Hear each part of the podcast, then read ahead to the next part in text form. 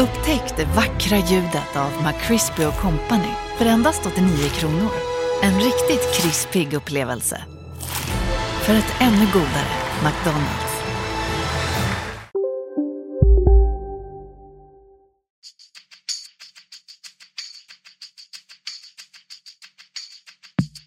Skönt att komma ut och eh, bara lukta gräset. Så det, är, det är fotboll för mig. Nu är jag här och jag är väldigt glad att uh, kunna spela för det laget som jag har närmast om hjärtat. Om att skapa tro, om att tro på det vi gör, jobba vidare och vi ska vara ute där och ska vi leverera. Och det ska vi ju. Basta.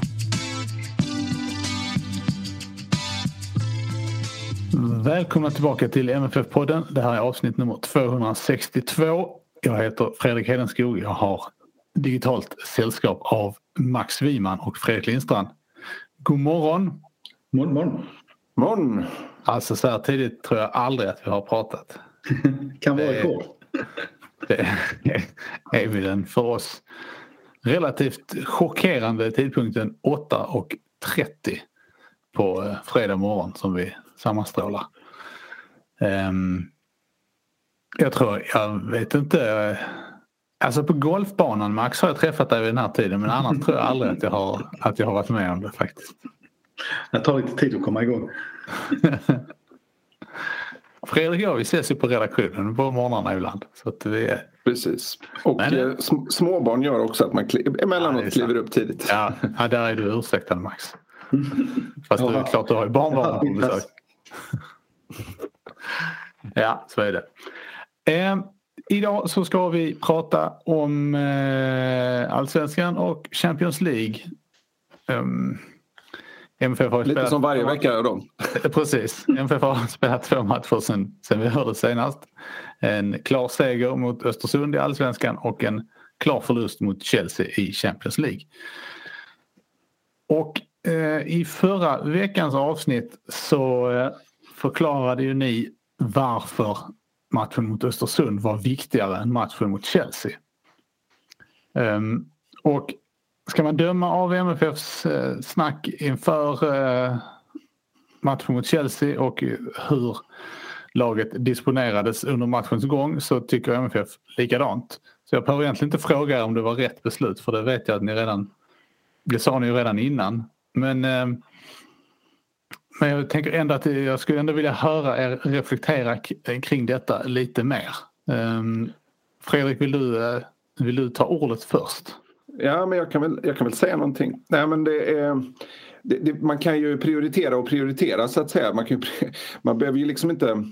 Det, det, det är ju så svårt att, att liksom slå fast när, man, när det mesta är att man får en känsla. Liksom. Men när, när laget kommer till hotellet och när eh, sättet man för sig på presskonferenser det liksom utstrålar inte den här pondusen och den här viljan att ta sig an matchen. Det finns liksom inte den här entusiasmen. Jag ska inte säga att det är så överlag i truppen. Vissa spelare känns ganska hungriga och taggade och det är lite olika hur det här budskapet om att man måste peka på hur stort glappet är till de stora lagen i Europa. Vissa är ju väldigt inne på det mantrat medan andra, eh, jag pratade med Colak inför matchen till exempel, som ändå gav ett ganska hungrigt intryck och sa att det finns alltid chans att skrälla och sådär.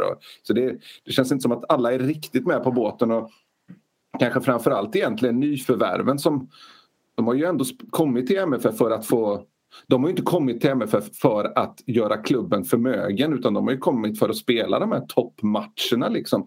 Så jag kan tänka mig i alla fall att det, det finns en litet glapp i truppen med en del spelare som har köpt det här som klubben säger att vi, vi ska lära oss på den här nivån och sen andra som ändå vill liksom, visa upp sig och mäta sig på den här nivån. Att det finns liksom lite olika riktningar eller vad man ska säga, mentala riktningar inför en sån här match.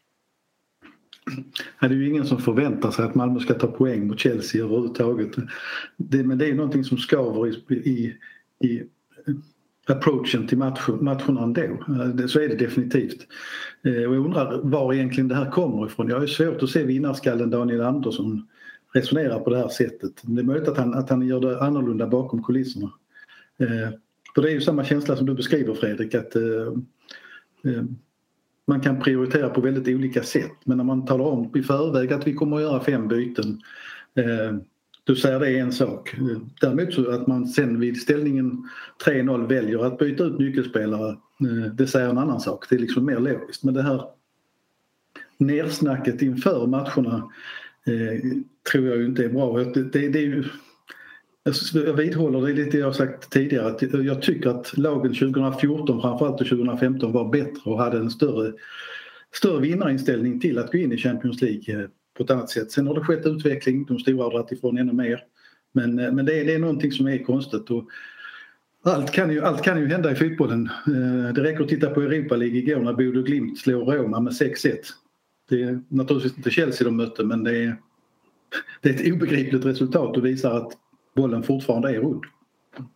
Men jag tror också att vad, vad gjorde framför allt att Malmö FF gick till Champions League 2014 och 2015 och även 2021? Jo, det är ju, är det spelidén först och främst? Nej. Är det spelarmaterialet först och främst? Nej. Det som jag skulle säga tog dem dit är en mental inställning av att vi är en storklubb. Vi hör hemma på den här nivån. Vi kan chocka de här lagen. Det är det som gör att, framför allt som gör att Malmö FF tar sig till Champions League. Det är den här vinnartron och allting när man vill säga att man vill upp på en ny nivå. Man måste börja där med att liksom verkligen tro på det omöjliga. Och jag upplevde ju men som Jon Dahl Tomassons approach inför till exempel Rangers borta. Det här med att han säger att de behöver pengarna mer än vad vi gör och sådär.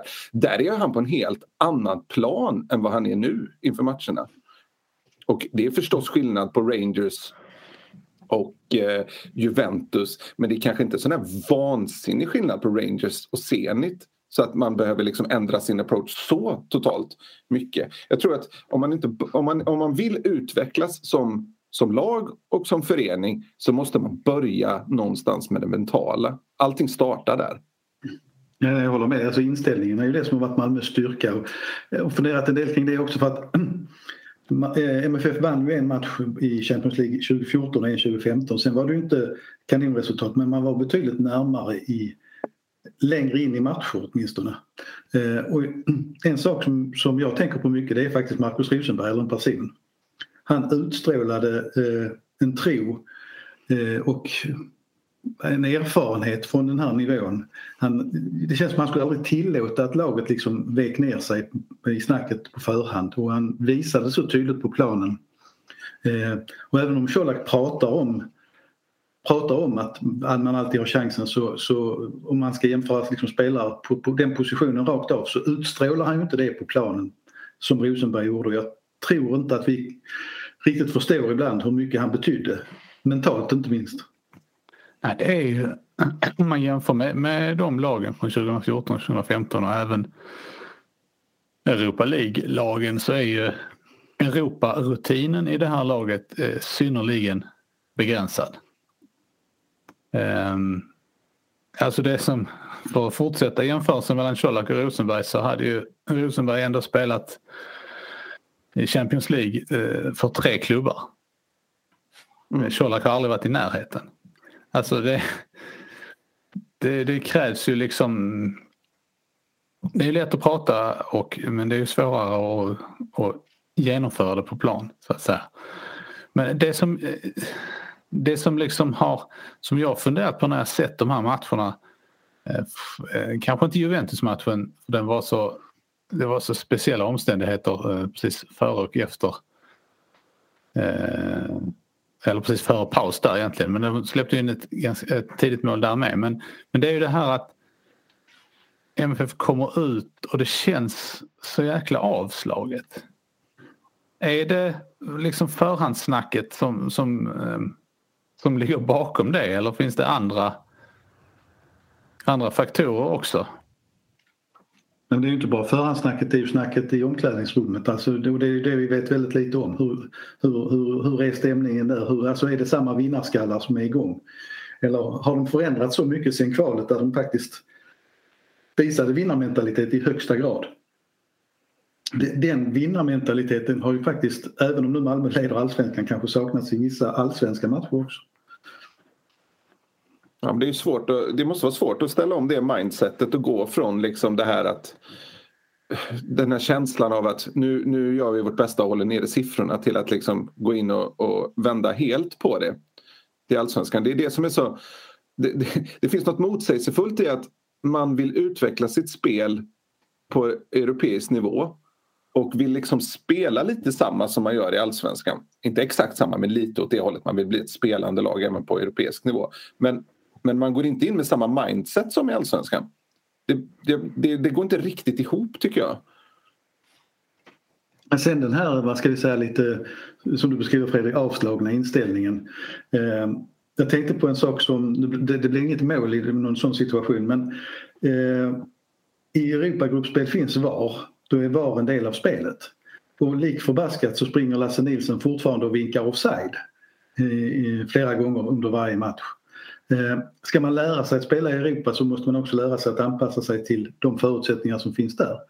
Eh, det vill säga spela hela tiden, skit i att springa och vinka för att om det är offside så kommer VAR att ta det. det alltså, det är också ett mindset att inte riktigt vara där, att inte inse att Eh, jag måste ha fokus på det jag ska göra och allting annat runt omkring det. det, det finns, det, nu finns det faktiskt VAR som sköter de delarna.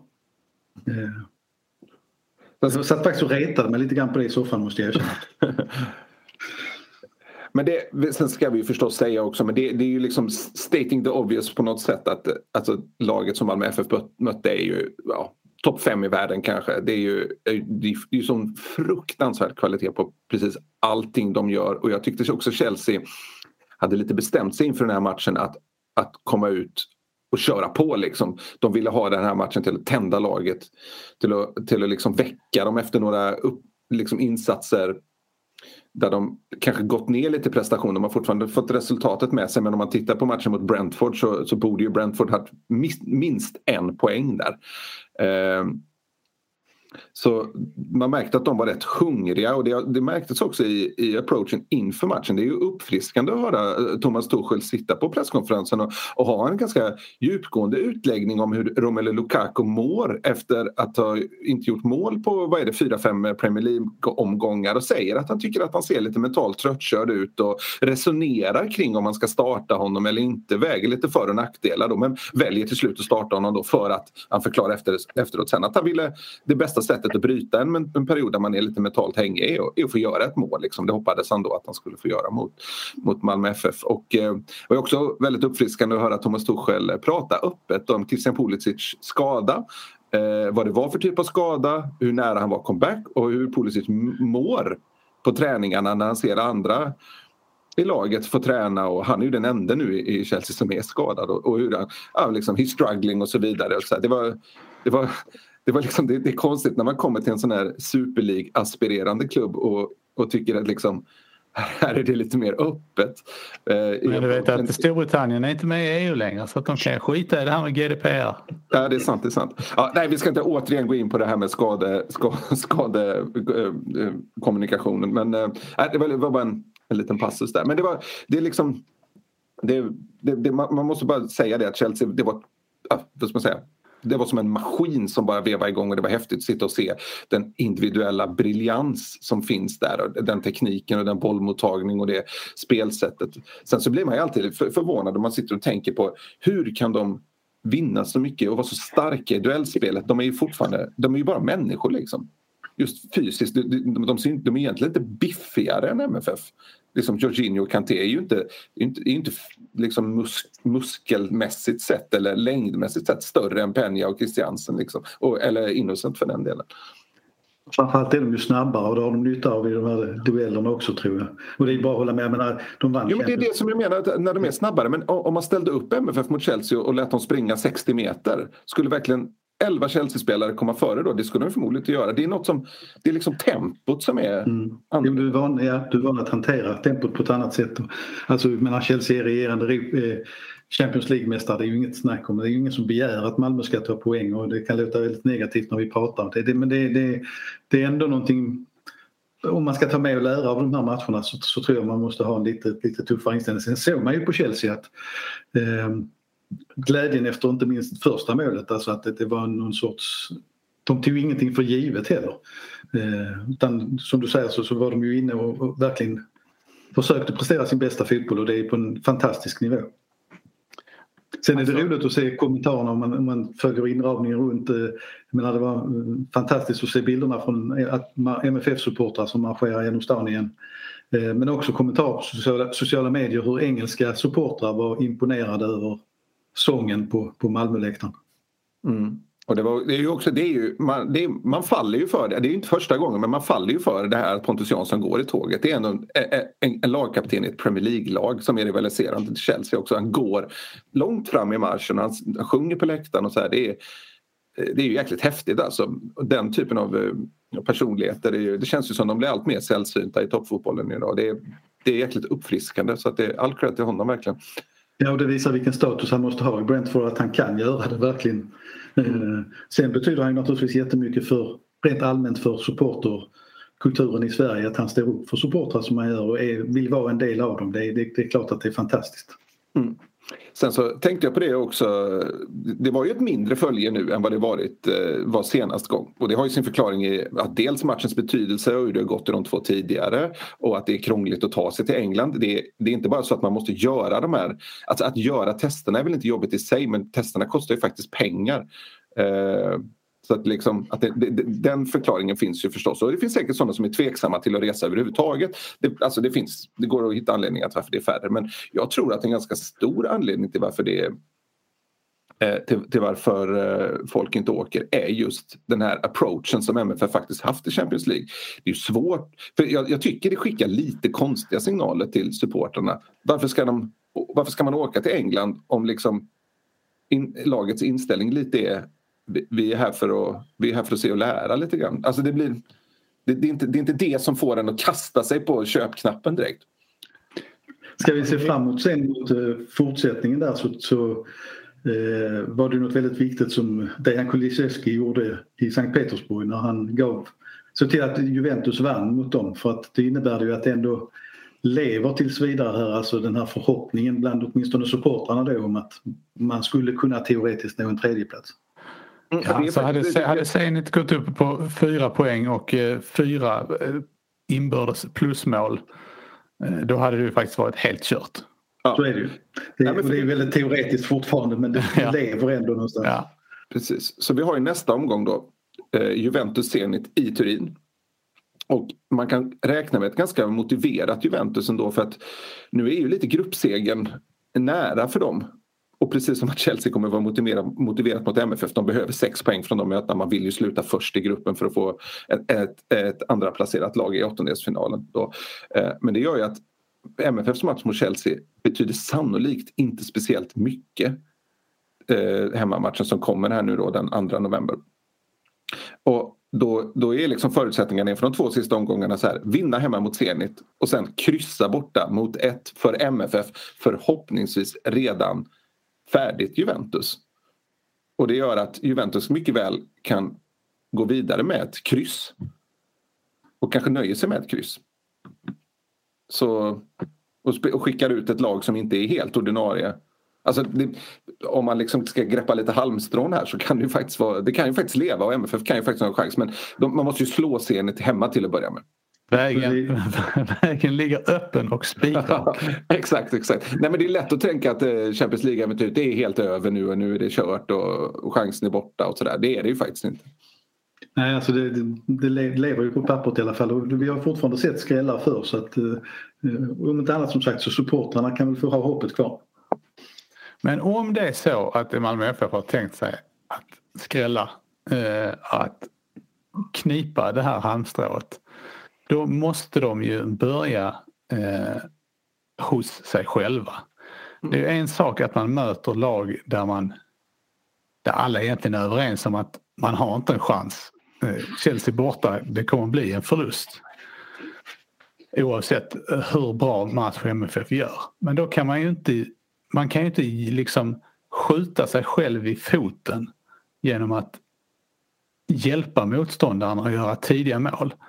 Eh, precis som, som man släppte in det första målet i, i Sankt Petersburg eh, så var det första målet här i London en, en eh, löpning från en spelare, en dansk mittback till råga på allt, som springer från sin position utanför straffområdet rakt in förbi tre MFF-are ingen gör den minsta ansats att plocka upp markeringen. De bara står och tittar när han springer förbi dem. Jag blir, jag blir, jag blir våldsamt upprörd alltså. Du låter arg. Ja men alltså det är så jävla dåligt.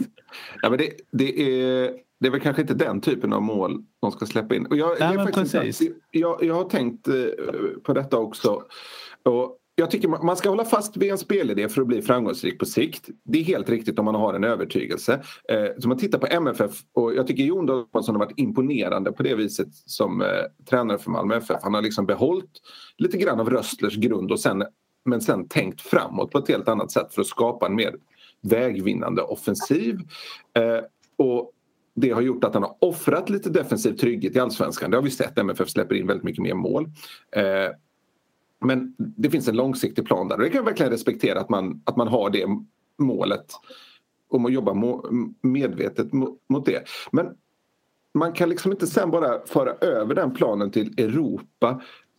Alltså annat än på pappret. För att det som fungerar mot Östersund när MFF har lite mer, låter dem komma lite man mot man eh, i utmaningslägen. Det funkar för att där är MFF så pass individuellt mycket skickligare.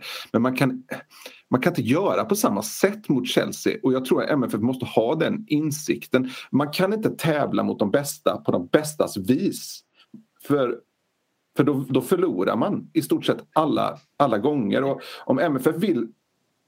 MFF, liksom, när man säger så här att vi vill utvecklas i Europa och man vill ha ett mer vägvinnande spel eller mer, liksom mer passningsorienterat spel. Men det, man, Malmö kommer liksom, man tänker så här, ah, ska ni slå Chelsea om två år eller om tre år? Det, det, det, det kommer ju aldrig bli på det viset med den typen av spel. Man kan inte slå Chelsea på Chelseas vis. Däremot kan man spela på Chelseas vis i allsvenskan. Och det, kommer inte, det kommer inte ske nu, det kommer inte ske om tre år och det kommer inte ske om tio år att MFF kan vinna matcher i Champions League på det sättet.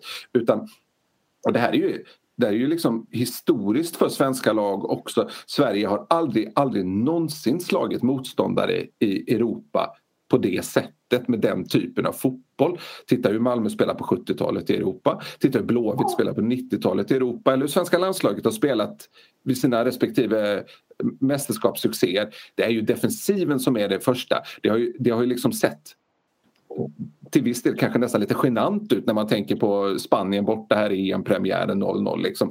Men man måste, måste, måste börja där. Och det har ju Jan Andersson var ju oerhört tydlig med det. Vi kan inte åka ner till Sevilla och möta Spanien på Spaniens vis. Det går inte. Och jag tror att jag, jag tror att liksom, om man vill utvecklas på toppnivå så man, man måste ändå börja där bak. För det ger ingenting att åka till Chelsea och försöka spela fotboll och få stryk med 4-0. Jag, jag tror liksom inte det finns några lärdomar att ta av det. Utan man måste ha en annan plan och känna att man hänger med längre i matchen. Det står 0-0 länge. Sen så kanske Chelseas individuella briljans till slut avgör ändå. Men man, har, man kan ändå åka hem med en annan upplevelse. Och jag tror att det är vinnande i det långa loppet. Och sen så, ja, där någonstans eh, landar min analys i det här. Och jag, jag, jag, jag, jag tror inte det kommer, med tanke på, man kan inte sitta på en presskonferens och säga att glappet i de stora klubbarna ökar för varje år och samtidigt försöka liksom och samtidigt inte resonera likadant i sin taktiska approach till matchen på något sätt. Um, så det här speglar väl egentligen MFFs problem i lite, om vi ska prata problem då om ett lag som leder allsvenskan igen eh, hela säsongen också. Att man har, man har haft bekymmer med sin defensiv, man har släppt in mycket mål, man har släppt in rätt konstiga mål under långa perioder. Och det är klart att då blir det ännu värre mot ett, ett topplag i Europa. Och just styrkan tidigare år har väl varit anpassningen till motståndet. Eh, Ove Hareide var väldigt bra på det Ove Rössler var också väldigt bra på det, att, att hitta rätt nivå. Eh, så det är fullständigt självklart att, att ett svenskt lag på klubbnivå måste agera utifrån det man är och inte utifrån någonting som man drömmer om att vara. Så att eh, det, det, det, måste dessutom vara väldigt frustrerande för både spelare och supportrar det här att, att man släpper in de här tidiga målen. Liksom den, här, den här nerven som kanske kunde... Har du också valt att bli egen? Då är det viktigt att skaffa en bra företagsförsäkring. Hos oss är alla småföretag stora och inga frågor för små. Swedeas företagsförsäkring är anpassad för mindre företag och täcker även sånt som din hemförsäkring inte täcker. Gå in på swedea.se företag och jämför själv.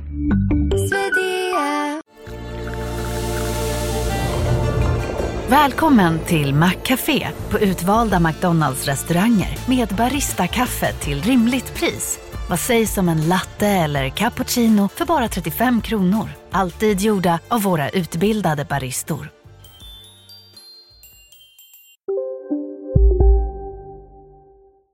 Skapas som det gjorde när man mötte Juventus första året i Champions League och höll 0-0 borta till 60 minuten tror jag när, när Rosenberg blev skadad.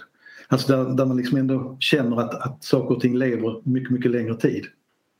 Eh, och lite som sagt, man har ju ställt till det i Allsvenskan några gånger så här också så att det är ju verkligen eh, Alltså ska man, ska man gå ner till koka ner det, ditt resonemang Fredrik om det liksom på längre sikt här så är det väl också så att eh, materialet räcker inte till som man har det nu för att spela den här typen av fotboll överhuvudtaget med den, med den, med den mittbacksuppsättning som man har. Nu var ju Anel Ahmedhodzic borta denna gången också men, men eh, det blir väldigt snabbt ihåligt. Ja, men det, är det, är det som är det svåra för, eh, för en svensk klubb men jag tycker bara liksom någonstans får man väl då kanske bestämma sig. För man, jag tycker inte, det blir lite konstigt när man sitter på en presskonferens och säger att glappet ökar och sen å, å andra sidan säga att och å andra sidan försöka liksom närma sig den typen av spel. Det, blir, det, finns, det är inte en superklar logik i det. Och, och, men med det vill jag säga, jag vill, det är verkligen all respekt för att man vill utveckla en offensiv spelidé och det tycker jag verkligen man ska hålla fast vid. Men men man får, får liksom börja i rätt ände också för att eh, när Östersund gick till Europa League tyckte jag att man skrev lite om kartan för ett svenskt lag. Nu hade man förvisso sitt konstgräs som en stor fördel när man spelade fotboll och sådär men, men även Östersund började också bakifrån det var ju också där det började. Sen så spelade de ett rätt häftigt kort, kortpassningsspel många gånger. Och, och, men det var ju, man, någonstans så får man ju börja där bak och ändå känna att det, det är kontringsspelet som blir det viktiga i Europa. Så är det bara. Sen är det ju farten och allt det andra som man kan ta med sig in i allsvenskan och det kanske inte Malmö riktigt har lyckats med heller. Det blir väldigt spännande att se hur det går nu mot Varberg när man har fått ytterligare en möjlighet och liksom kan trots, trots den här smällen eller det här nederlaget i, i London att man går in och plötsligt med vetskapen att man leder allsvenskan och att man styr lite över den själv om man bara presterar. Mm. Ja precis och sen, sen, så nu, nu är man ju liksom nu, du, det låter ju väldigt kritiskt våra resonemang här men man får ju liksom man får ju, man, man får ju ta det, man måste ju analys, kunna analysera den här matchen också liksom men det, är ju, det finns ju ingen det finns ju ingen skam i att förlora med 4-0 mot Chelsea borta liksom. Det är verkligen så. Alltså, det, samtidigt som Jonas Thomasson säger att gapet är stort så han, det har han ju fullständigt rätt i. Det är ju, det är ju inget konstigt liksom att ett lag som Malmö FF förlorar och på många sätt så är det ju starkt att hålla siffrorna till 4-0 också liksom, med tanke på vilket lag man möter och, och, och var man är i säsongen och, och att Moisander inte kunde starta och att eh, Anja Ahmedhodzic är borta. Det, är ju, det, det, får man ju också komma ihåg någonstans. Om man vrider det man såg då i London, förlåt Fredrik. Ja, nej, jag tänkte bara liksom återigen alltså, återkomma till det här med Alltså det är precis eh, så som ni säger. Alltså, det är ju verkligen inte konstigt att Malmö FF förlorar borta mot Chelsea och det är kanske heller inte konstigt att det blir 4-0. Det som är konstigt är ju att man när man har tittat på de här matcherna, både Zenit eh, och eh, den här matchen mot Chelsea och hela andra halvlek mot Juventus är att man känner sig lite grann snuvad på upplevelsen. Eftersom matcherna knappt liksom har hunnit börja eh, innan de är slut. Ja, det är lite så. Ja. Lite Nej, hårdraget för det gäller inte alla matcherna. Men, men ni förstår, alltså, det blir liksom, jaha, nu gjorde Chelsea mål. Oj, nu fick Chelsea straff. Ja, ja, då har vi 70 minuter kvar. ska vi göra nu? Ja, det blev tyvärr en av de tråkiga tillställningarna att titta på på det sättet måste jag säga eftersom eh, det fanns ju liksom inget, inget nervigt överhuvudtaget. Där. Men om man ska liksom koppla ihop det och se framåt där igen så tänker jag så här att eh, Anel Ahmedhodzic är tillbaka efter sin avstängning då. Eh, Niklas Moisander kommer in igen och gör ett bra inhopp. Det ser spännande ut. Eh, ja, förvisso kort. 0-0. Ja, förvisso kort men det, det, liksom, det, finns någonting där som, som gör att det ser väldigt spännande ut. Och sen tycker jag då att eh, så länge han orkade i, försöka stå emot på egen hand så, så var ju Sergio Penas eh, insats när man försökte liksom transferera den över till allsvenska mått så känns det ju väldigt, väldigt spännande att kunna se honom tillsammans med Anders Christiansen som kreatörer på ett innermittfält mot Varberg närmast i allsvenskan och sen mot AIK är det väl därefter.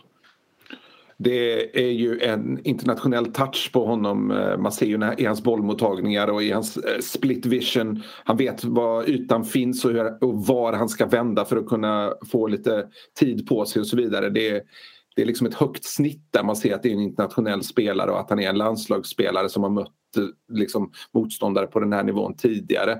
Nu var han ju lite vad ska man säga, han var lite, lite väl ensam i många aktioner. Det, hans enda alternativ på plan var väldigt ofta att, eh, att bara spela hem till Lasse Nilsson eller Frans Brorsson igen. Som, som man fick lite känslan ibland att de inte riktigt var sugna på att ha, få den bollen utan det blev det rensning då eftersom Chelseas press var ju helt vansinnig liksom när man pratar om återerövringspress som Malmö FF väldigt effektivt eh, använder i allsvenskan och där man faktiskt är bäst i Sverige i den aspekten. Där, där visar ju Chelsea att man är några resor värre. Alltså det var ju så fort en MFF-spelare fick bollen defensivt så kändes det som det var tre stycken blå på honom direkt. Det var häftigt att se hur de, hur de jobbar och vilket tempo de håller. Och hur eh, Tuchel agerade på sidan. Jag tror att Kai Havertz då som kom in istället för Lukaku eh, fick ju en otrolig skrapa av eh, Tuchel för att han inte tog pressen. Eh, han liksom han blev galen och lämnade sin tekniska zon och då leder ändå Chelsea med 2-0 och det är en minut kvar till paus ungefär. Så det, det, var, det var ett... Eh, kanske fanns en annan tändning på bänken också. Om vi då eh, vrider över blicken mot allsvenskan lite mer så är det som sagt Varberg som väntar härnäst för MFFs del. Um, men vi kan ju också blicka bakåt lite eh, och prata om den allsvenska omgången som var. Eh, MFF vann ju bekvämt i Östersund samtidigt som eh, AIK förlorade och Djurgården förlorade.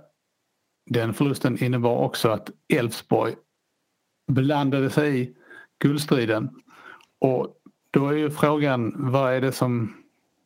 Vad är, hur sammanfattar man intrycken efter den, efter den omgången? Var står vi nu någonstans? I den att ingen vill vinna striden?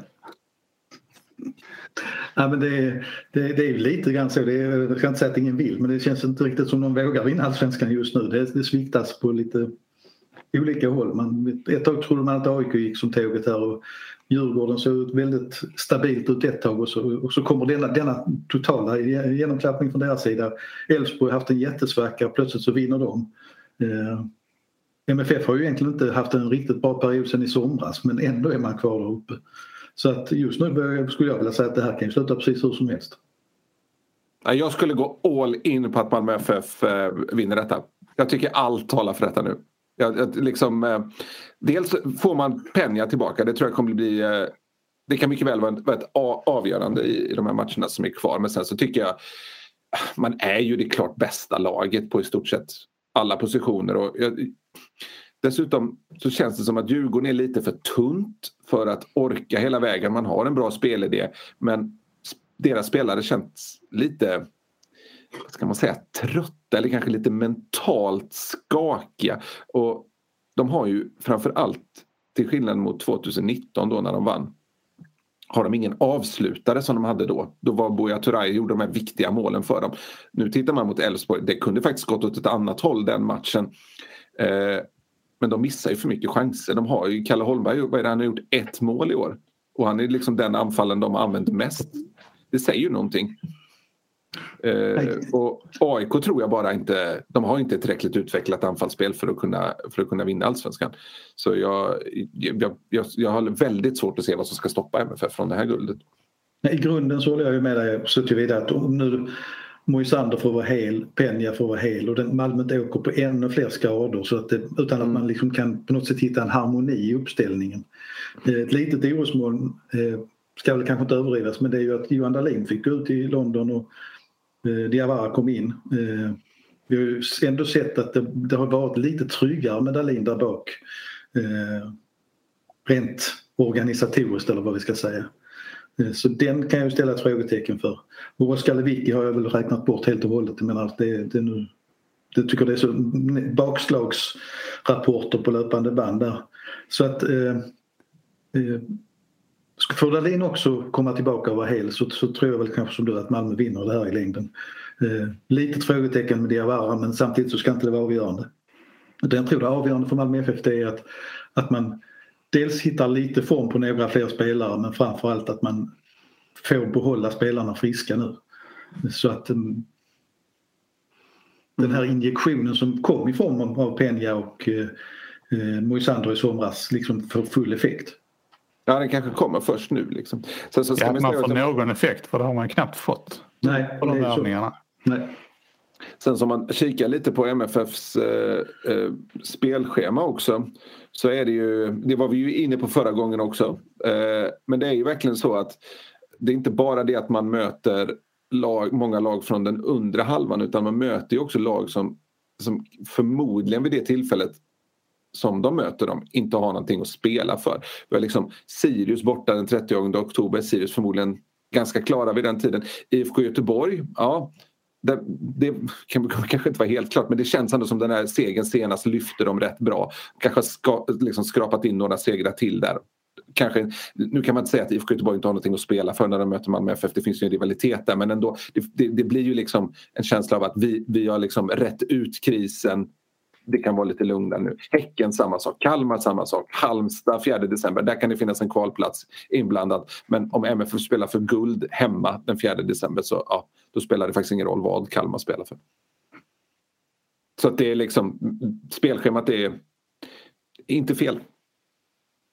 Det svåra är, man kan, det är lätt att säga att AIK hemma är en nyckelmatch eftersom det är toppkonkurrent men Malmös problem har ju snarare varit mot lagen längre ner i tabellen i flera tillfällen.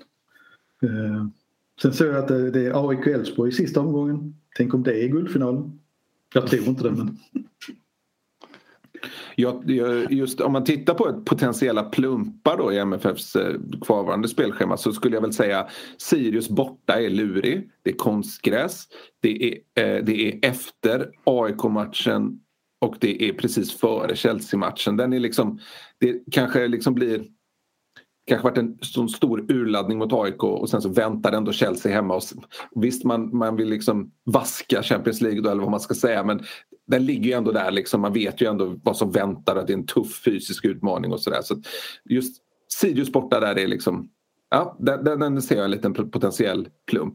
Sen så tycker jag även att IFK Göteborg borta, det, det är, alltid, det, det är liksom alltid den här rivaliteten. Och nu vann ju IFK senast, gjorde en ganska bra match, visserligen mot Örebro, eh, jumbon. Men jag tror ändå det kanske kan innebära en liten tändning för dem. De kanske hittar lite rätt där på hösten och, och så vidare. Och, någonstans så har de ändå spelare, många spelare i laget som har spelat stora matcher och sådär. Det, det är inte helt omöjligt att, eh, att, att den blir svår för MFF också. De, dessutom vann ju faktiskt Blåvitt eh, nere på stadion så att de, de har väl en känsla av att de kan rubba MFF om de gör det rätt. Liksom. I övrigt, AIK hemma jag, ser liksom, jag har svårt att se MFF inte vinna den matchen.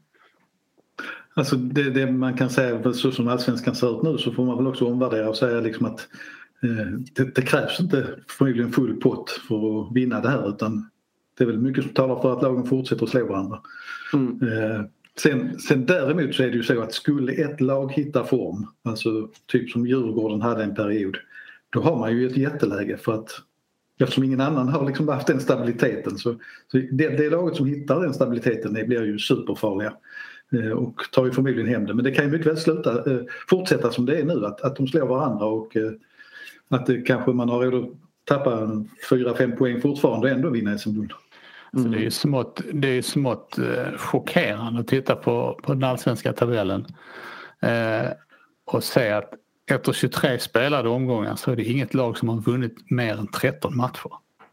Nej, det är, ju, det är helt poäng, sanslöst alltså. Ja, poäng, poängsnittet är ju nästan historiskt lågt.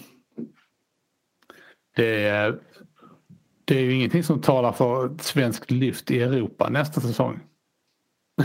Om man säger så. inte det, inte. Nej, det, det, är klart att det är lite oroande för allsvenskan samtidigt som det är, i grunden är det ju roligt ju, att det, det, är många som är inblandade. Eh, Ja, det, det är det. Liksom men det är, liksom inte, det, är inte, det är inte bra.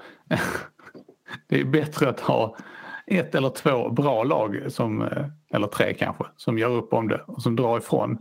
Mm. Uh, istället för att ha det liksom så här jämn tjockt. Alltså det är lite som att titta om man tittar på superettan-tabellen. Den ser ju i princip likadan ut. Jag tänkte faktiskt på den också. Man har, väldigt svårt, man har väldigt svårt att se hur något av de lagen ska ut, överhuvudtaget kunna göra sig gällande i allsvenskan. Nej, man förlorar så många matcher i superettan. Och det är lite det resonemanget jag tänker man kan överföra på allsvenskan. Då. Hur, ska man kunna, hur ska man kunna hävda sig i Europa eh, när man liksom eh, Alltså plumpar kan man gå på men om man förlorar om man har förlorat fem matcher i allsvenskan eh, som MFF, AIK och Djurgården har gjort i nuläget. Hur MFF, man... MFF har ju lyckats ändå kunnat hävda sig i Europa och de, de spelar ju. Ja, ja, ja visst. Men, men nu, nu är det ju lite kämpigt här. ja, nu, spelar de i, nu slipper de ju sig spela på Tele2 Arena i Europa så att eh, det är två förluster som går bort där. Ja, precis. precis. Nej, men eh, jag skjuta till där när jag pratade om spelprogram. Att, eh, Eh, Elfsborg har ju flugit lite under radarn. Det var ju nästan som att man skrev av, avskrev dem efter de, sina tre raka förluster där i september månad tror jag det var. Eh, men de har faktiskt ett ganska gynnsamt eh, spelschema som är kvar.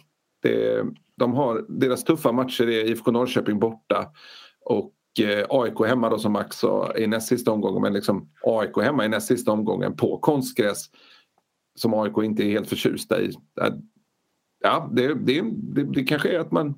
Det har varit häftigt om Elfsborg blandar sig i det här liksom. Det har, det har varit, varit kul. Mm. Kusinen från landet liksom, om man får lov att säga så om Borås. Det får man väl. Vi kan väl säga det. Ja, precis. precis äntligen. Kanske inte den som, den som är från Ljungskile kanske inte kan säga det. Nej, precis. Jag är lite emot den typen av resonemang. Det, det skär i mig. Det är. Men i vanlig ordning så klart att för Malmös del så är det ju jätteviktigt att studsa tillbaka direkt efter eh, Champions League och det har de ju haft svårt att göra tidigare. Så att, eh, eh det blir ju säkert... Det, det, Varberg borta är ju en sån här match som att om de vinner med 1-0 på en snedträff från Colak så ska de åka hem och vara väldigt nöjda. Mm. Alltså det är bara att vinna den matchen och överleva den på något sätt som, för att hitta rytm igen kanske. Och sen kommer ju AIK-matchen där.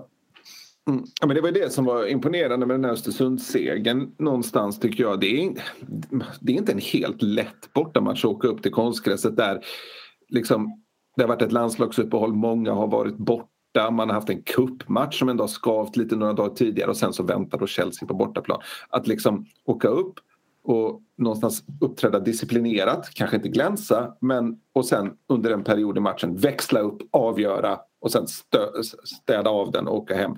Det är, det är precis så man ska spela i en guldstrid. Liksom. Det, är, liksom, det, det är rent så vad ska man säga, spelmässigt utförande var det väl kanske ingen fullträff men liksom i, i prestationen som stort och, och, om man ser till det allt runt omkring och det mentala spelet så är det ju, då är det ju en fullträff.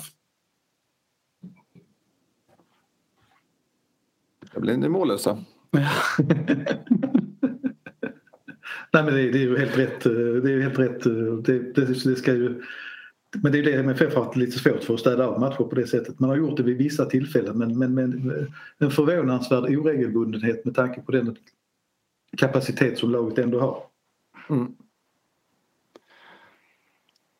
Um, det kan ju... Det, ja. Nej, nej, jag bara tänkte just det här om man ska räkna med att något lag får flytet så är det, väl, det är väl kanske MFFs tur att få det på något sätt eftersom man har hankat sig fram och hackat sig fram ett eh, bra tag här och just eftersom man vet att kapaciteten är så stor inne, inne i laget. Så eh, Självklart är det ju så att två segrar mot Varberg och AIK så kanske du är inne i det där flowet igen och rytmen passar bra med Europa. Du kan göra lite fler byten, du har lite fler spelare att välja på.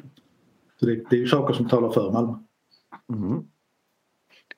Eh, om man bara tittar kort på Varbergsmatchen, vad tror ni om, om laget där? Nej, jag hoppas ju att man får se både Penja och Moisander i startelvan nu. Att, att det liksom blir en tydlig markering att det finns, finns lite extra ny kapacitet att, att plocka in. Det tror jag också och jag, jag tror det var ganska tydliga tecken på att eh, Tomasson tog ut Birmancevic eh, och man tog ut eh, båda mitt, innermittfältarna då. Eh, visar, väl, visar väl det och sen så fick ju Moisander sina minuter också för att ändå inte, han måste ju ändå ha match, match i benen för att liksom när han ska, väl ska starta och sådär. Han har fått två inhopp här nu. Och, så jag tror att det blir ja, eh, en trebackslinje med eh, Ahmedhodzic, Moisander och Nielsen. Mm. Så får man, vet man ju inte med Rex då, det var ju familjeskäl, det, det, vet man inte vad det kan handla om han är, om han är redo. Då. Det, kan ju, det, det, blir ju lite när Rex inte kan spela som, då kanske man går ner på en fyrbackslinje istället. Och så, det, det är väldigt svårt att säga. Men jag skulle gissa att in i mittfältet som startar är precis samma som startade mot Chelsea. In, eh, ja, just det.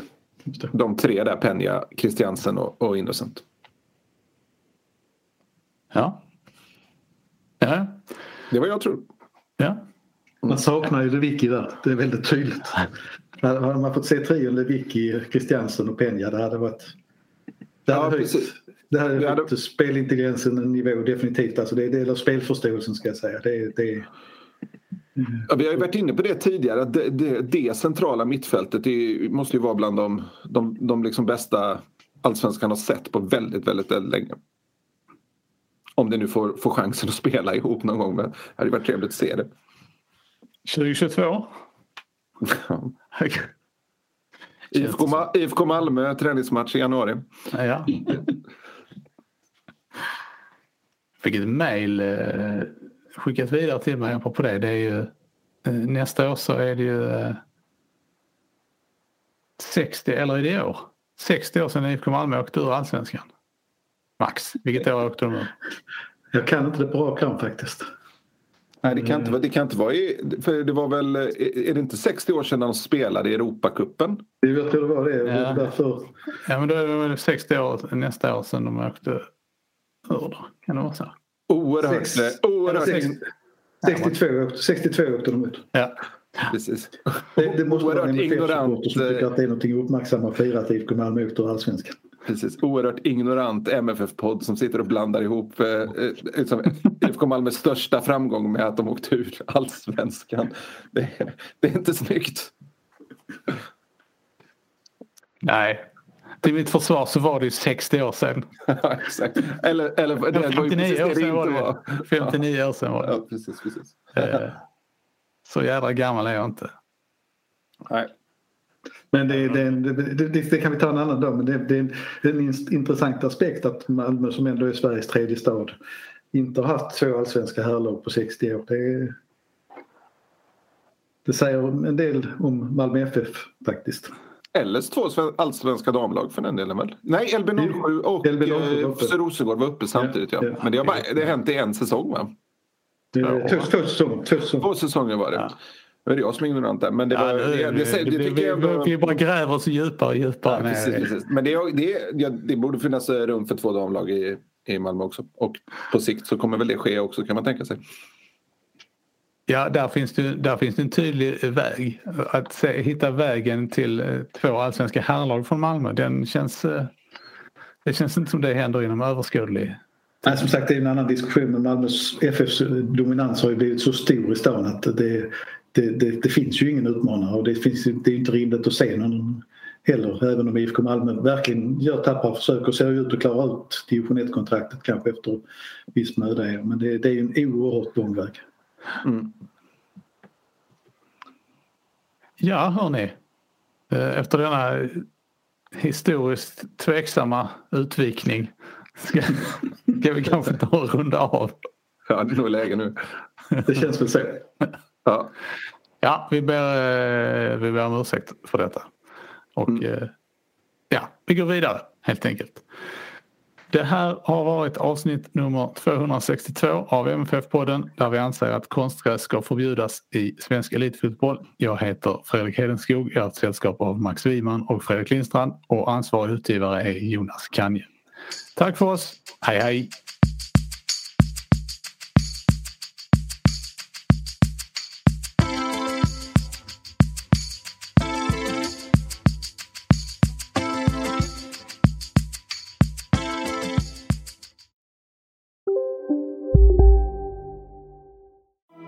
Sverige! Apoteket finns här för dig och alla du tycker om. Nu hittar du extra bra pris på massor av produkter hos oss. Allt för att du ska må bra. Välkommen till oss på Apoteket. Ni är med om det största. Och det största är den minsta. Ni minns de första ögonblicken. Och den där blicken gör er starkare. Så starka att ni är ömtåliga. Men hittar trygghet i Sveriges populäraste barnförsäkring. Trygg Hansa. Trygghet för livet.